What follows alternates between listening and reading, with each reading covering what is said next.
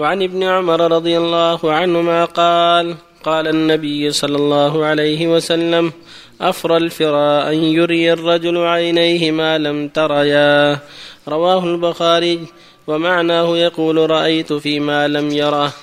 وعن سمرة بن جندب رضي الله عنه قال كان رسول الله صلى الله عليه وسلم مما يكثر أن يقول لأصحابه هل رأى أحد منكم من رؤيا فيقص عليه من شاء الله أن يقص؟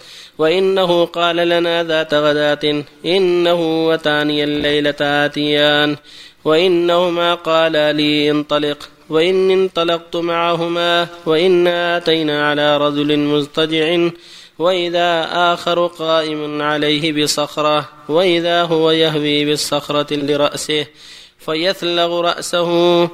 فيتدهده الحجر ها هنا ويتبع الحجر فيأخذه فلا يرجع إليه حتى يصح رأسه كما كان ثم يعود عليه فيفعل به مثل ما فعل المرة الأولى قال قلت لهما سبحان الله ما هذان قال لي انطلق انطلق فانطلقنا فاتينا على رجل مستلق لقفاه وإذا آخر قائم عليه بكلوب من حديد.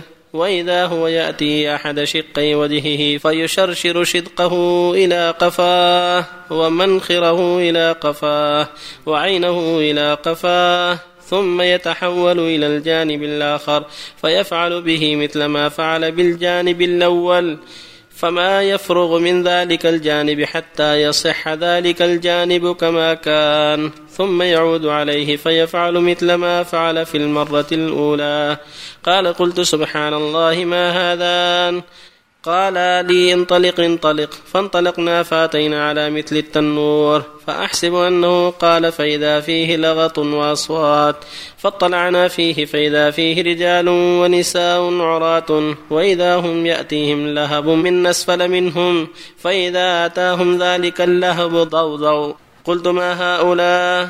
قال لي انطلق انطلق. فانطلقنا فأتينا على نهر. حسبت أنه كان يقول أحمر مثل الدم.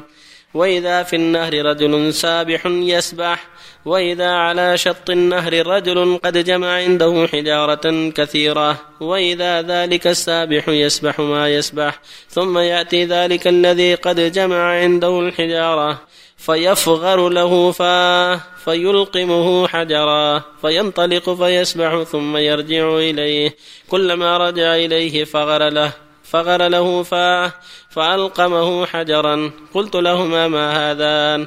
قالا لي انطلق انطلق. فانطلقنا فأتينا على رجل كريه المراءة أو كأكره ما أن ترى إن رجلا مراءة فإذا هو عنده نار يحشها ويسعى حولها. قلت لهما ما هذا؟ قالا لي انطلق انطلق. فانطلقنا فأتينا على روضة معتمة فيها من كل نور الربيع فانطلقنا فأتينا على روضة معتمة فيها من كل نور الربيع. وإذا بين ظهري الروضة رجل طويل لا أكاد أرى رأسه طولا في السماء. وإذا حول الرجل من أكثر ولدان رأيتهم قط. قلت ما هذا وما هؤلاء؟ قال لي انطلق انطلق. فانطلقنا فأتينا إلى دوحة عظيمة لم أر دوحة قط أعظم منه. ولا أحسن. قال لي إرق فيها. فارتقينا فيها إلى مدينة مبنية بلبن ذهب ولبن فضة. فأتينا باب المدينة فاستفتحنا. ففتح لنا فدخلناها. فتلقانا رجال شطر من خلقهم كأحسن ما أنت رائن وشطر منهم كأقبح ما أنت رائن قال لهم اذهبوا فقعوا في ذلك النهر. وإذا هو نهر معترض يجري كأن ماءه المحض في البياض. فذهبوا فوقعوا فيه ثم رجعوا إلينا. قد ذهب ذلك السوء عنهم فصاروا في أحسن صورة. قال قال لي هذه جنة عدن وهذا منزلك فسمى بصري صعدا. فإذا قصر مثل الربابة البيضاء قال لي هذا منزلك. قلت لهما بارك الله فيكما؟ فذراني فأدخله. قال أما الآن فلا وأنت داخله. قلت لهما فإني رأيت منذ الليلة عجبا فما هذا الذي رأيت؟ قال لي أما إنا سنخبرك. أما الرجل الأول الذي أتيت عليه يثلغ رأسه بالحجر. فإنه الرجل يأخذ القرآن فيرفضه وينام عن الصلاة المكتوبة. وأما الرجل الذي أتيت عليه يشرشر شدقه إلى قفاه ومنخره إلى قفاه وعينه إلى قفاه. فإنه الرجل يغدو من بيته فيكذب الكذبة تبلغ الآفاق. وأما الرجال والنساء العراة اللذين هم في مثل بناء التنور فإنهم الزناة والزواني. وأما الرجل الذي أتيت عليه يسبح في النهر ويلقم الحجارة فإنه آكل الربا. وأما الرجل الكريه المراة الذي عند النار يحشها ويسعى حولها فإنه مالك خازن جهنم. وأما الرجل الطويل الذي في الروضة فإنه إبراهيم. وأما الولدان الذين حوله فكل مولود مات على الفطرة. وفي رواية البرقاني ولد على الفطرة. فقال بعض المسلمين يا رسول الله وأولاد المشركين. فقال رسول الله صلى الله عليه وسلم وأولاد المشركين وأما القوم الذين كانوا شطر منهم حسن وشطر منهم قبيح فإنهم قوم خلطوا عملا صالحا وآخر سيئا. تجاوز الله عنهم رواه البخاري.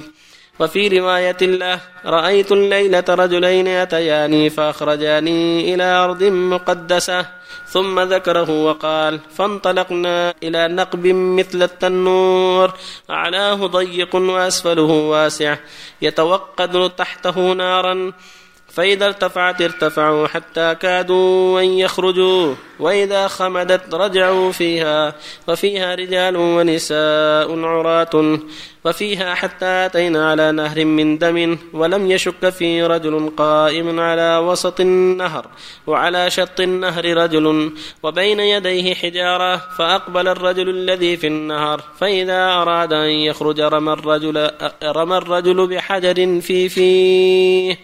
فرده حيث كان فجعل كلما جاء ليخرج جعل يرمي في فيه بحجر فيرجع كما كان وفيها فصعدا بالشجرة فأدخلاني دارا لم أر قط أحسن منها فيها رجال شيوخ وشباب وفيها الذي رأيته يشق شدقه فكذاب يحدث بالكذبة فتحمل عنه حتى تبلغ الآفاق. فيصنع به ما رأيت إلى يوم القيامة. وفيها الذي رأيته يشدق رأسه فرجل علمه الله القرآن فنام عنه بالليل ولم يعمل فيه بالنهار فيفعل به إلى يوم القيامة. والدار الأولى التي دخلت دار عامة المؤمنين. وأما هذه الدار فدار الشهداء. وأنا جبريل وهذا ميكائيل. فارفع رأسك فرفعت رأسي فإذا فوقي مثل السحاب. قال ذاك منزلك؟ قلت دعاني أدخل منزلي. دعاني يدخل منزلي. قال إنه بقي لك عمر لم تستكمله فلو استكملته أتيت منزلك. رواه البخاري. وبالله التوفيق. الحمد لله وصلى الله وسلم على رسول الله وعلى آله وأصحابه من اهتدى بهدى أما بعد هذان الحديثان يتعلقان بالكذب. وفي هذا الحديث الطويل عظات وذكرى في مسائل عدة. الحديث الأول يقول صلى الله عليه وسلم إن افرى الفراء يعني أعظم الكذب أن يري الرجل عينيه ما لم ترى.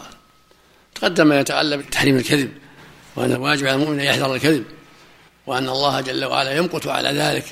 قال جل وعلا إنما يفتري كذب الذين لا يؤمنون بآيات الله فأولئك هم الكاذبون. وتقدم قول النبي صلى الله عليه وسلم وإياكم الكذب فإن الكذب يهدي إلى الفجور وإن الفجور يهدي إلى النار. ولا يزال يكذب ويتحرى الكذب حتى يكتب عند الله كذابا.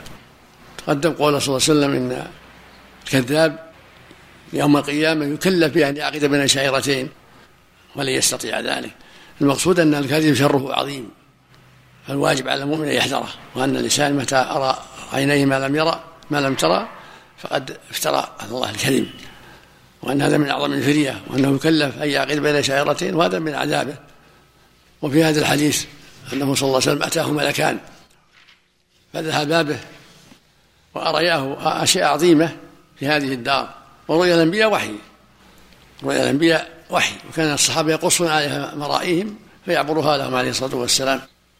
وكانت هذه الرؤيا العظيمة رآه عليه الصلاة والسلام.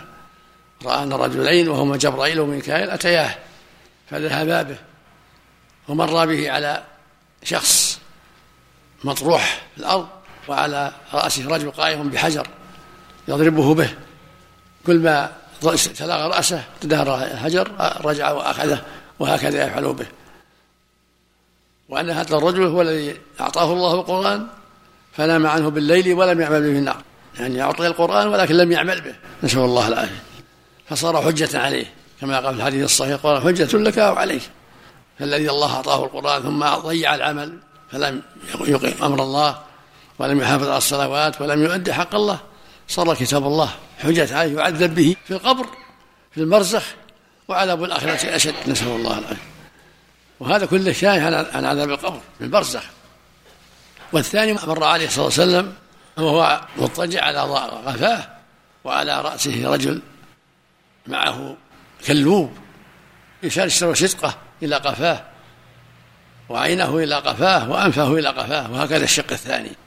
كلما فرغ من شق إذا الشق الآخر قد اعتدل وهكذا يفعل به يعذب في البرزخ إلى يوم القيامة. وهو الرجل الذي يكذب الكذبة فتنشر في الآفاق نعوذ بالله. هذا يفيد الحذر من الكذب وأن كل ما عظم الكذب وكثر صار العذاب أشد نسأل الله العافية. ثم مر عليه على شبه التنور فيه نار وفيه رجال عراة ونساء عراة تأتيهم النار من أسفل منهم فإذا جاءتهم النار صاحوا ضوضأوا فسأل عنهم فقال قيل هؤلاء هم الزنات والزواني. عذابه في البرزخ نسأل الله العافية. ثم مر عليه على رجل في نهر مثل الدم يسبح وعلى حافة النهر النهر رجل معه حجارة. كل ما دنا منه هذا الذي يسبح ألقمه حجرا. فغرفاه فألقمه حجرا فذهب يسبح ثم عاد. وأن هذا هو أكل الربا نسأل الله العافية. ثم مر عليه على رجل كريه المنظر على نار يحشها ويحوطها فإذا فسأل عنه فقيل هو مالك خازن النار. ثم مر به على رجل طويل في روضة لديه أولاد كثيرون روضة عظيمة معتمة ذات عشب وخير. فسأل عنه فقال هذا أبوك إبراهيم هذا إبراهيم عليه الصلاة والسلام. وهؤلاء الأولاد هم أولاد المسلمين والمشركين الذين ولدوا على الفطرة. هذا يدل على أن أولاد المسلمين في الجنة. وهكذا أولاد المشركين الصغار في الفطرة كلهم على الفطرة لأن الرسول قال صلى الله عليه وسلم ما من مولود يولد إلى الفطرة يعني على الإسلام. فأبواه يهودان أو ينصرانه وهذا أصح الأقوال في أولاد المشركين فيهم أقوال. أحدها أنهم في النار والثاني أنهم يمتحنون يوم القيامة والثالث الله أعلم بما كانوا عاملين. أقوال عدة لكن أرجحها وأحسنها أنهم في الجنة وأنهم سالمون. لأنهم لم يهودوا ولم ينصروا ولم يكلفوا فهم مع أولاد المسلمين في الجنة. وفيها أنه رفع إلى مدينة عظيمة من طريق شجرة عظيمة دوحة عظيمة فلما فتح له رأى فيها ما رأى من الخير ورأى فيها قوما شطر أجسام حسن وشطر ليس بحسن. ثم قيل له اذهبوا إلى ذاك النهر فاغتسلوا فاغتسلوا فيه. فتعدل خلقهم وصار خلقهم خلقا حسنا فسأل عنه فقال هؤلاء قوم جمعوا حسنات وسيئات فغفر الله لهم إما بتوبتهم وإما بأعمال صالحة فعلوها وبعفو الله عنهم سبحانه وهذا لأسباب اقتضت ذلك. قيل في منزله لما رفع رأسه ورأى منزلا عاليا قالوا هذا منزلك. قال دعاني أدخله؟ قال إنها بقي عليك بعض الشيء يعني بقي من حياتك بعض الشيء وسوف تدخله. عليه الصلاة والسلام. والشاهد من هذا الحديث الطويل قصة الكذابين يعني باب في الكذب. الشاهد من هذا الحديث الطويل هذا الرجل الذي عليه إنسان معه كلوب يشق شدقه وأنفه وعينه يشقه. فإذا فرغ من جانب إذا الجانب الآخر قد اعتدل وهكذا بعذابه في البرزخ. هذا الكذاب الذي يكذب الكذبات الكثيرة التي تنتشر في الآفاق نسأل الله العافية. ففي هذا الحذر من الكذب وأن عاقبته وخيمة. نسأل الله العافية والسلامة نعم. أحسن الله إليك يا شيخ. بعض الكتاب يقول هذا من نسيج الخيال. يكتب قصص أحسن الله إليك في مثلا في كتب ويبيعها. يقول هذا من نسيج الخيال وكذا يعني. ما ينبغي هذا لأن يعتبر من الكذب. ما ينبغي الإنسان يكتب شيء له حقيقة. يفيد الناس نصيحة واقعات وقعت نقلها العلماء فيها فائدة فيها مصالح. أما أنه يكذب يكتب أشياء من خيال فكره. كذب أخشى عليه من أن يعمه هو اسم الكذب نسأل الله العافية. أحسن الله إليك. نعم. أولاد المشركين يصلى عليهم إذا ماتوا؟ نعم. أولاد المشركين؟ لا في الدنيا لهم أحكام أهلهم. لا يصلى عليهم. النبي صلى الله عليه وسلم قال هم منهم.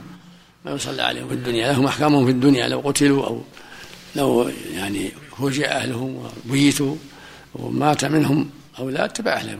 قال هم منهم عليه الصلاة والسلام. ولا يدفنون في أحكام الدنيا في أحكام الدنيا معهم. لكن في أحكام الآخرة لهم النجاة إذا لم يبلغوا. ما يدرك كذلك؟ نعم. في البرزخ هذا عذابهم في البرزخ. نسأل الله أحسن الله إليك يا شيخ. يعني بعد الموت وقبل قبل القيامة. أحسن الله إليك يا شيخ. بعض الأمهات تقص على أولادها حتى يناموا. قصص. يعني ما هي بصحيحة. أحسن الله إليك. على أساس ينامون أسأل الله. سواليف يعني سواليف. هل يعتبر من الكذب أحسن الله الله أعلم والله أعلم. تحرى الأشياء اللي يناسب ولا تكذب. تحرى الأشياء. تحرى الأشياء نعم. لكن ذكر دار يكون فيها شيوخ وشباب فهي الجنة؟ الله يسلمك. قال هذه رفع على صوت الجنة يعني رفع على الجنة بعد الدوحة. هذه الجنة. لكن الذي في الأرض هذه أنواع عذاب المعذبين في البرزخ. آخرها الروضة اللي فيها الأولاد. دار الشهادة الله يسلمك فيها الشيوخ والشباب اسنانها في الجنة ب 33 ورد لكن ما أتذكر حال اسانيده سبحانك الله صلى الله عليك خازن من الملائكة. مالك خازن جهنم من الملائكة. نعم. ونادوا يا مالك اقضي علينا ربك. قال إنكم عليه رجل هنا. يجوز إطلاق رجل؟ يمكن في صورة رجل. أقول يمكن رأى في صورة رجل.